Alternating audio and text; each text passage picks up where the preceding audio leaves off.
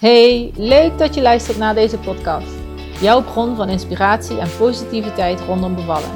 Als tegenhanger van de vaak minder fijne bevallingsverhalen die je hoort en onbewust met je meeneemt. De podcast is een verzameling van mooie bevallingsverhalen en gesprekken, waarbij het gaat over het belang van vertrouwen in jezelf, vertrouwen in je lichaam en het bevallingsproces. Hoe je in je eigen kracht kan staan, de invloed van een positieve mindset en samenwerking met je partner en het medische team. Bevallen de Sunnyside. Daar gaan we! Hey, wat leuk dat je luistert. Ik ben er helemaal klaar voor om vanmiddag een hypnobirthing cursus te gaan geven aan mama's waarvan de partner niet mee wil of kan.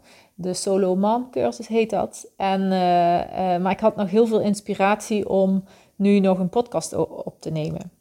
Ik kreeg onlangs namelijk de vraag: Jenny, kun je eens wat vertellen over de psychische effecten van de zwangerschap of de psychische veranderingen bij een vrouw tijdens de zwangerschap. In plaats van de lichamelijke. Ehm, en degene die die vraag stelde, zij, zij ervaart dat er heel veel focus en informatie is over de lichamelijke veranderingen. Dus uh, je mobiliteit en nou, je buik groeit, misschien kom je wat aan, je voelt je misselijk. dat kan en niet iedereen heeft dat. je wordt misschien wat vergeetachtig. Maar, um, maar zij wilde juist heel graag weten wat de psychische effecten waren of zijn. En ik, weet er wel, ik wist er wel een beetje van, maar ik vind het een heel interessante vraag en een heel interessant onderwerp, omdat het juist psychisch en mentaal iets met je doet. Ik ben onderzoek gaan doen om toch wat meer kennis op te doen. Eh, om jullie nog wat meer daarover te kunnen vertellen, om meer de diepte in te gaan. En ik kwam eigenlijk uit op twee onderwerpen of twee subonderwerpen binnen, dat, binnen die psychische veranderingen die, die een vrouw ondergaat op het moment dat ze zwanger is. En ik, daarom deel ik de podcast ook op in twee delen. Dus dit is deel 1 en die gaat over uh, mom brain, noemen ze het ook wel. Mommy brain, mama brein. En dat gaat dus, dit deel gaat vooral over de eh, veranderingen in je brein en wat dat dan betekent voor een vrouw in de veranderingen tijdens de zwangerschap. En deel 2 ga ik richten op, meer richten op ja, geboortepatronen. Um, dus eigenlijk hoe jouw leven eruit ziet, wie jij bent als mens en wat jij hebt meegemaakt als mens. Plus hoe jouw geboorte, het effect van jouw eigen geboorte op jou en het stukje moederlijn, vrouwenlijn, vaderlijn dat stuk neem ik mee in een volgende podcast. En daar ben ik ook nog wat meer onderzoek naar aan doen. Dus die zal niet volgende week klaarstaan, maar die, die komt eraan. Uh, en en het, ik vind het uh, twee hele interessante onderwerpen waar ik ook heel sterk in geloof. Maar ik wil het wel even wat beter kunnen onderbouwen voor je. Dus uh, daar doe ik wat onderzoek naar. Maar voor het stukje mombrain heb ik heel veel informatie vergaard plus mijn eigen ervaring daarin. En dat wil ik vandaag met je gaan delen. Nou, eigenlijk vanaf het moment dat jij zwanger wordt, dat een, babytje zich in jouw baarmoeder heeft genesteld, verandert je lichaam uh, meteen heel zichtbaar, zeg maar. Hè? Dan, dan dan merk je dat je borsten wat groter worden. Ehm, misschien dat je ook meteen al wat, uh, misschien hou je vocht vast. Of uh, nou ja, eh, eigenlijk meteen, instantly is er een verandering lichamelijk merkbaar. Maar wat je minder goed merkt en, en ook niet kan zien, zijn de veranderingen in je brein. Maar ook die vanaf het moment dat een babytje zich innestelt in jouw baarmoeder, zijn er veranderingen in jouw brein. Oh, en dat is eigenlijk van oorsprong zo geregeld vanuit de natuur. Omdat als vrouw, als zwangere vrouw, moet je je aan gaan passen, lichamelijk en mentaal, zodat je foetus kan gaan groeien. En daar horen blijkbaar veranderingen in structuur en functie van een vrouwelijke brein bij. En er is een onderzoek geweest tussen zwangere vrouwen en niet-zwangere vrouwen, een hersenonderzoek eh, op, op basis van MRI-scans onder andere. En dat is een Nederlandse studie geweest, dat vond ik wel heel leuk om te lezen.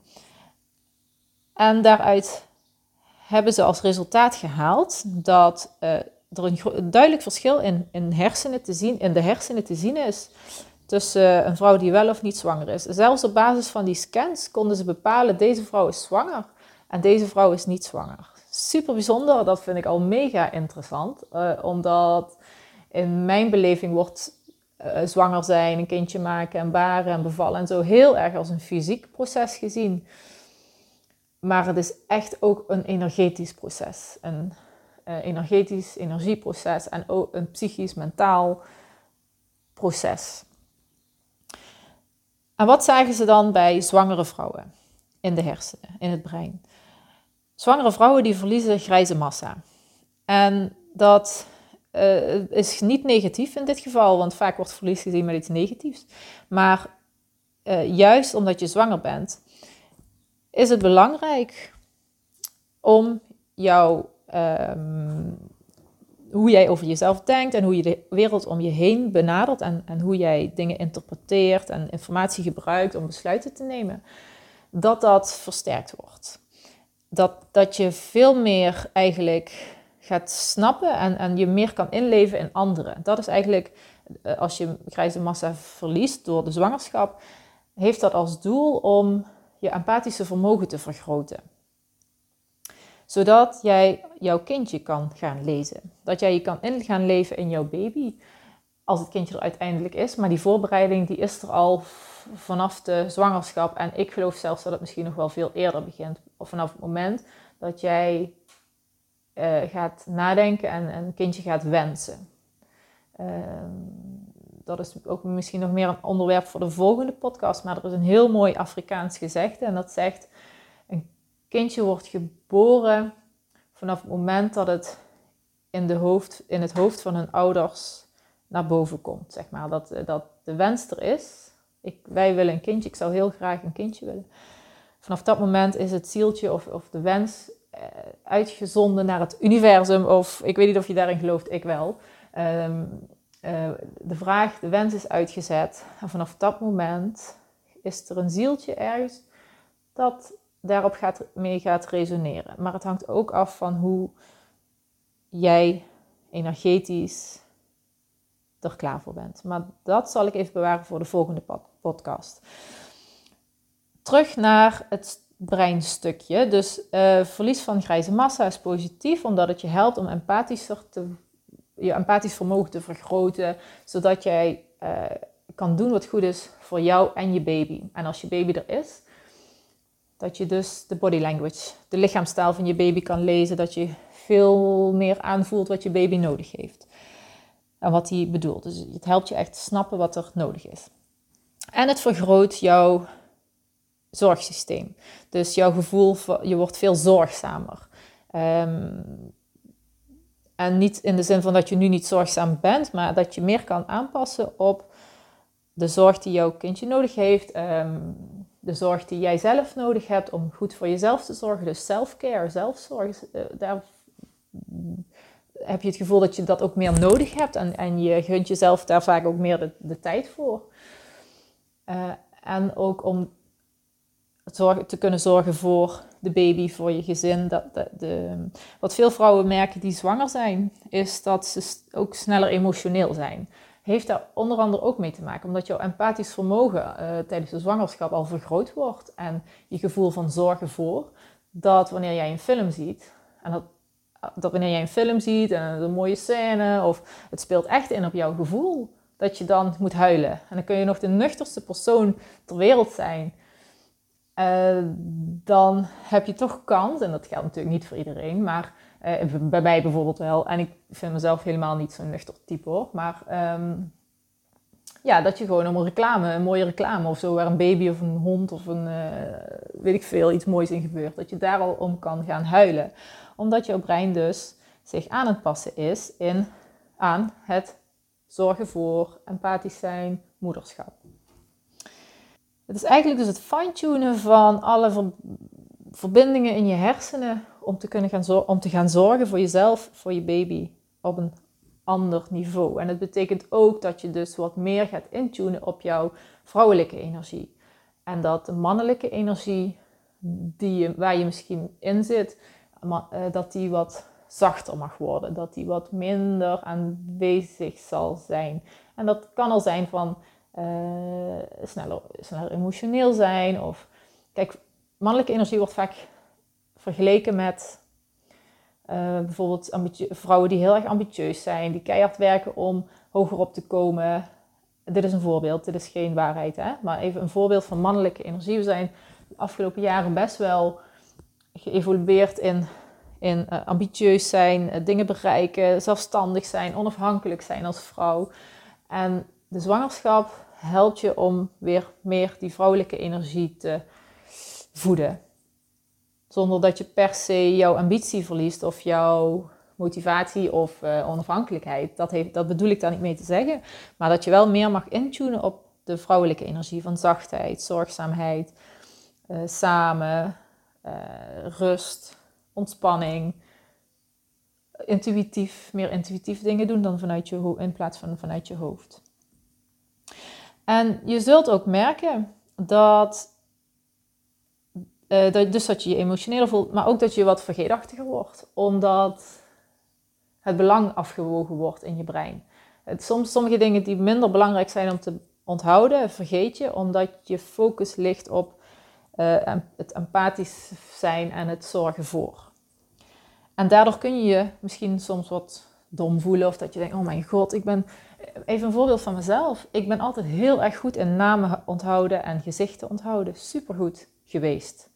Het is echt verleden tijd, want uh, vanaf mijn zwangerschap, en ik merk het zelfs nog meer na mijn bevalling, dat ik echt moeite heb met namen onthouden. Genant gewoon. Echt, oh, dat ik soms mensen die ik twee weken geleden gezien heb, dat ik gewoon de naam niet meer kan koppelen aan het gezicht.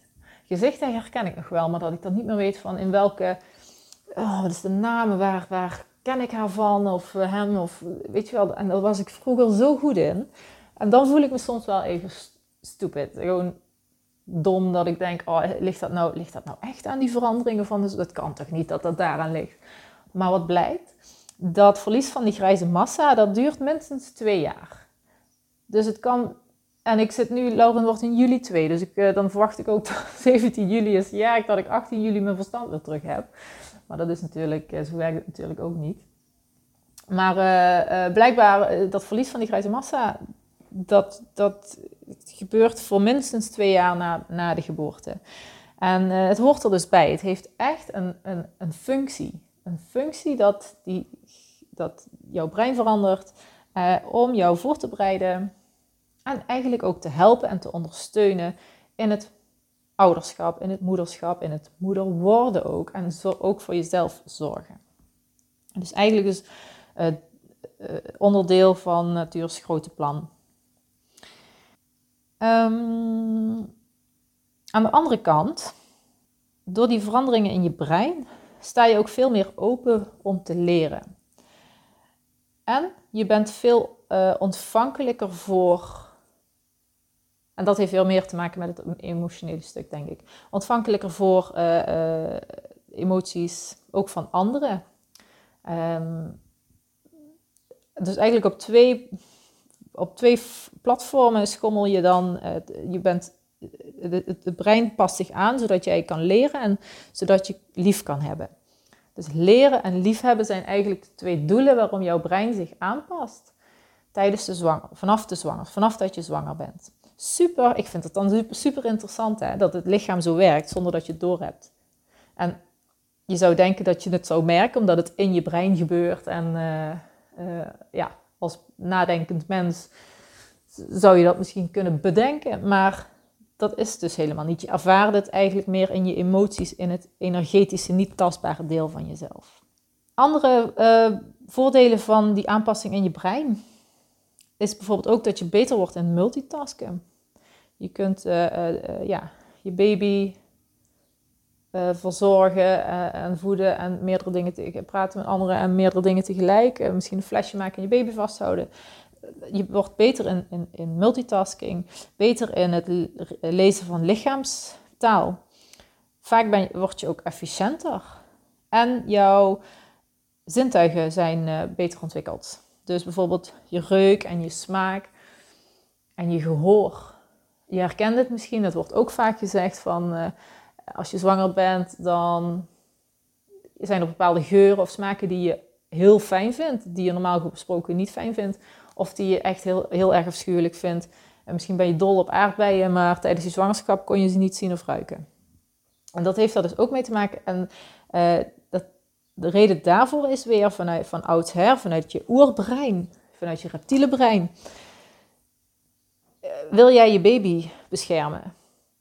En het brein wil dus ook beschermen van giftig voedsel of van gevaar of van uh, een tijger die op de loer lag vroeger toen, je nog, toen we nog in de bosjes leefden. Uh, niet in Nederland trouwens tijgers, maar wolven of zo. En daarvoor gebruik je je zintuigen. En dat maakt dat jouw brein gaat zeggen van dit, dit vind ik niet fijn, dat vind ik wel fijn. Dit smaakt goed, dit, smaakt, dit kan ik wel zien, dat kan ik niet zien. En dat wil niet zeggen dat een aardbei ineens giftig is. Maar misschien op dat moment in jouw zwangerschap is het beter om ze niet te eten misschien. Daar geloof ik dan ook weer in. Omdat elke vrouw heeft dus een andere voorkeur en afkeur voor voedsel, geuren, wat ze wel en niet kan zien of horen. En dat kan een signaal zijn voor jezelf als je het even spiegelend bekijkt van wat wil jou dat dan zeggen? Heb je, dat heb je, dan heb je dat niet nodig tijdens jouw zwangerschap. Of ja, is het, ja, is, ja, ik weet niet. Dat komt nu even zo in me op, dus uh, daarom even um, dat ik nu hardop eigenlijk aan het nadenken ben, nu ik dat zo uitspreek. Zelf, ik ben eigenlijk altijd heel erg gezond, van gezond voedsel. En tijdens mijn zwangerschap vind ik nog steeds dat ik heel slecht gegeten heb. Heel veel gesnoept, heel veel chocola en snoepjes en uh, uh, boterhammen met kaas en stroop. En krentenbollen met kaas waren echt mijn favoriet ik had niet iets waarvan ik nu denk van dat, dat lustte ik ineens niet meer of daar had ik heel veel behoefte aan. Ik had ook helemaal geen behoefte per se aan alcohol of rauwe zalm of sushi of dat had ik helemaal. Ik miste eigenlijk helemaal qua voeding niks. Uh, ik, ik weet wel. Nou, even terug naar de voeding, want ik ga anders ga ik naar de geur. Uh, um, even terug naar voeding. Dus ik, ja, ik vind dus zelf dat ik heel slecht heb gegeten. En ik vind dat Lauren nu ook uh, niet echt um, een goede eter is. Ze eet wel heel erg veel, maar soms ze is ook heel erg van het zoet. Ze eet bepaalde groenten. Ze eet op zich wel goed voor een tweejarige, maar ze is eigenlijk meer van zoet. En dat vind ik gewoon jammer. Maar ik, in mijn beleving heb ik dat zelf gedaan omdat ik zelf heel veel gesnoept heb. Veel meer dan dat ik anders deed tijdens mijn zwangerschap. Dus misschien had ik het nodig. Misschien um, hoort dit bij mijn proces van moeder worden dat ik dat meer mag loslaten. Omdat het niet wil zeggen dat ze nooit uh, alle groenten gaat eten of dingen gaat uitproberen, gezond voedsel gaat uitproberen. Um, dat is een beetje mijn proces. Um, maar nou ja, dat, dat, dat, je zou het dus op die manier spiegelend kunnen gaan bekijken. En als je het hebt over geur, ik weet nog, oh echt, ook weer zoiets. Ik had niet echt een geur waar ik niet tegen kon of iets wat ik heel lekker vond. Maar uh, ik was uh, dus uh, tijdens de zomer ook zwanger. En het was echt bloedheet die zomer in 2018. En ik had een bikini een jaar eerder gekocht. Bij, nou maakt niet uit waar. En dus die was een jaar oud en die stonk. Echt, ik pakte die uit de, uit de kast om hem aan te doen, om in de tuin te gaan liggen met mijn dikke buik. en die bikini die stonk naar zo'n chloor, ik weet niet, chloor, ik weet niet wat ik rook. Ik, ik kan die geur ook nu op dit moment echt nog ruiken. Dat ik dacht, dit is echt niet goed. Het kan toch niet? Hoe kan zo'n bikini nou? Ik heb die gewoon goed ook met de wasvoorschrift in koud water afgespoeld. En niet met uh, wasverzachter en weet ik veel. En uh, toen ging ik naar een vriendin toe en ik vertelde haar dat, dat ik dat echt niet normaal vond, dat die bikini na een jaar zo stinkt. En toen zegt ze, ja, maar Jenny, bikinis of ja, badkleding ruikt altijd wel een beetje naar chloor. En ik zeg, ja, maar dat kan echt niet. Dit is echt niet normaal. Ik ga die winkel bellen. En dan heb ik die winkel gebeld. En zij hebben me nog een een of ander advies gegeven. En, uh, uh, oh, en die vriendin van mij zei van, kan het niet zo zijn dat jouw geur nu gewoon versterkt is door jouw zwangerschap? Nee, en dat kan niet ik geloofde er echt niks van op de een of andere manier. En ja, als ik nu aan diezelfde bikini ruik, ik ruik helemaal niks meer. Het was echt gewoon dat mijn geur versterkt was door de zwangerschap. Maar op een of andere manier wilde ik dat niet geloven of zo, dat, dat ik dat niet had, omdat ik dat met voeding, voedsel bijvoorbeeld niet heb. Je hoort vaak, ik kan geen koffie meer ruiken of geen uh, spruitjes, weet ik veel. Ja, dat had ik niet. Dus ik kon me ook niet voorstellen dat dat bij zoiets als een bikini zou gebeuren. Maar, dat is dus wel zo. Nou, ik heb de bikini nog steeds. Ik heb hem in ieder geval niet weggegooid. En uh, ja, dat was bij mij dus een change. Die onder andere te maken heeft met de veranderingen in je brein. Ja, en wat je eigenlijk merkt tijdens zwangerschap, maar dus ook na je bevalling. Want die veranderingen in je brein duren dus minstens twee jaar. Waar je, het kan dus heel intens voelen. En ook na de, na de bevalling kan het soms wel een beetje snel, dat, je het, dat je het gevoel hebt dat, uh, dat je wereld te snel gaat of dat het ongestructureerd aanvoelt of met, uh, rommelig, niet praktisch. Uh, wat waar je eigenlijk heel erg, ja, waar je sorry, ik, ik kom even niet uit mijn woorden, want wat ik eigenlijk nog wilde zeggen, soms herken je jezelf niet meer. En dat is vaak waar vrouwen door, um, waardoor je je ongemakkelijk kunt gaan voelen of dat je denkt, ja, wie ben ik eigenlijk nog? ze zeggen ook, de geboorte van een moeder is vaak intenser dan de geboorte van de baby. Dus dat er een kindje bij komt. Jij als mama die geboren wordt, als nieuwe mama, en of dat nu van je eerste, tweede, derde, vierde kindje is. Um, bij de eerste is het misschien wel echt een, een, een transformatie, maar het is elke keer een transformatie. Dus het is vaak intenser om moeder te worden dan het feit dat het kindje geboren wordt en het kindje erbij komt. Want je moet jezelf, je herkent jezelf niet altijd meer. Uh, het is een, een energetisch, een, uh, moet je weer wennen. En je hebt natuurlijk die veranderingen in de structuur en de functie van je brein, zoals ik net in het begin al vertelde. Waar je dan heel erg behoefte aan hebt, of waar je, wat jou zou kunnen helpen, zijn drie dingen: veiligheid, steun en stabiliteit. En het is even aan jezelf om te bepalen hoe jij dat voor jezelf wil invullen. Dus het kan zijn de veiligheid van mensen om je heen. Dus dat, dat koppel je dan ook weer aan support. Dus misschien een supportnetwerk om je heen, je partner, uh, een veilige, veilige mensen en een veilige omgeving. Misschien vind je het ook heel fijn om juist thuis te zijn. Of wil je juist naar buiten om, om, om vrienden op bezoek te gaan bij vrienden, met vriendinnen praten. Uh, weet je bij wie je terecht kan als je vragen hebt. Voel je je gesteund. En stabiliteit, misschien door een bepaalde structuur te gaan gebruiken of een routine te gaan gebruiken. Of wat mij heel erg geholpen heeft toen ik bijvoorbeeld in mijn kraamtijd zat. Um, of ja, in de kraamtijd, de, de, de, eerste maand, zeg maar het zwangerschapsverlof van drie maanden dat ik had. Wat mij geholpen heeft is om mijn oude ochtendroutine op te pakken. En niet te lang in bed te blijven liggen. Uh, om niet uh, in mijn kloffie maar naar buiten of naar beneden te gaan, maar ook gewoon me klaar te maken. Douchen, aankleden, voor de baby zorgen. Dat, doe ik altijd. Dus ik sta op. Niet, ik, ik ben geen uitslaper, dus ik sta altijd vroeg op. Redelijk, denk, ik denk dat anderen dat vroeg vinden, maar ik blijf niet in bed liggen omdat het kan natuurlijk de eerste weken wel, maar later in dat verlof begon ik al met die oude routine oppakken. Opstaan, klaarmaken voor de dag. Daar krijg ik energie van. Uh, ontbijten, gezond ontbijten, even naar buiten. En op het moment dat het kon, rondje wandelen. En um, ja, zo heb ik mijn energie opgepakt en, en kon ik weer terug naar de stabiliteit en de structuur van waar ik mij fijn bij voel. Laura en Rob komen thuis. Ik zet hem heel even uit. Pak ik hem zo meteen weer op. Oké, nou, ze zijn weer uh, iets aan het doen. Volgens mij buiten spelen. Wat ik wil zeggen met die routines die ik opgepakt heb, is dat die juiste routines mij weer veiligheid en stabiliteit gaven. En dat, dat hielp mij heel erg in dat mentale stuk en die um, uh, ja, dat gevoel van controle eigenlijk terugpakken.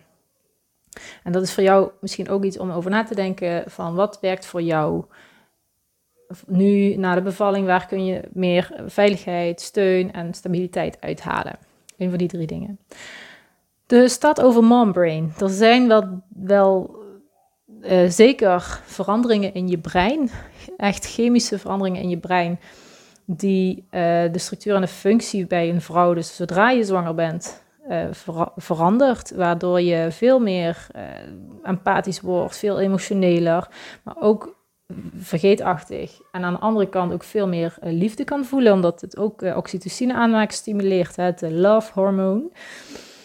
En uh, om juist goed voor je baby te kunnen zorgen, om je baby te kunnen lezen, om je, uh, goed ook voor jezelf te zorgen. Dus het heeft allerlei hele serieus goede effecten, die misschien niet altijd uh, even fijn zijn, zoals de vergeetachtigheid en het emotionele. Nou ja, dat hoeft niet heel fijn te zijn natuurlijk, maar weet dat het erbij hoort.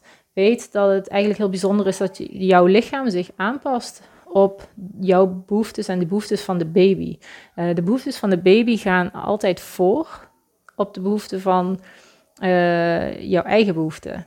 En daar zit misschien ook wel soms de crux. Hoe zorg je ook goed voor jezelf? Ik hoop dat je hier iets aan hebt. Misschien geeft het meer verduidelijking, uh, herkenning, um, opluchting. Het kan van alles zijn. Hè? Dus dit is echt even dat psychische stukje op breinniveau, mombrain, sommigen noemen het ook babybrain. Het is echt het fine-tunen van de cellen, de, de verbindingen in je hersenen om uh, in de transformatie naar het moederschap en de geboorte. Heb je er vragen over? Wil je er meer over weten? Uh, wil je met me sparren? Uh, je kunt me volgen via Instagram of me een DM sturen, een berichtje sturen, een mailtje sturen. Superleuk. Uh, ik heb het hier heel graag over, over alles wat met bevallen te maken heeft, met mindset, mind-body connectie, ontspanning. En ik wil je ook heel graag helpen daarin. Dus uh, leuk om van je te horen. Uh, heb je het idee dat misschien iemand anders hier veel aan heeft? Deel het vooral. En help zo, help zo, zo helpen we eigenlijk elkaar om meer positiviteit rondom bevallen te delen. En rondom moederschap ook eigenlijk. Dus ik, uh, ik ga met mijn uh, cursus aan de slag, met de hypnobirthing cursus, met de twee mama's zometeen. Heel veel zin in. Uh, het is een hele fijne dag, dus ik wens je ook weer een hele fijne zonnige dag. En tot de volgende keer. Doei! Ik hoop dat deze aflevering je heeft geïnspireerd. Neem mee wat je mee wilt nemen, wat bij je past. En laat achter wat je achter wil laten, wat misschien niet helemaal bij je past. Jouw bevalling doet ertoe.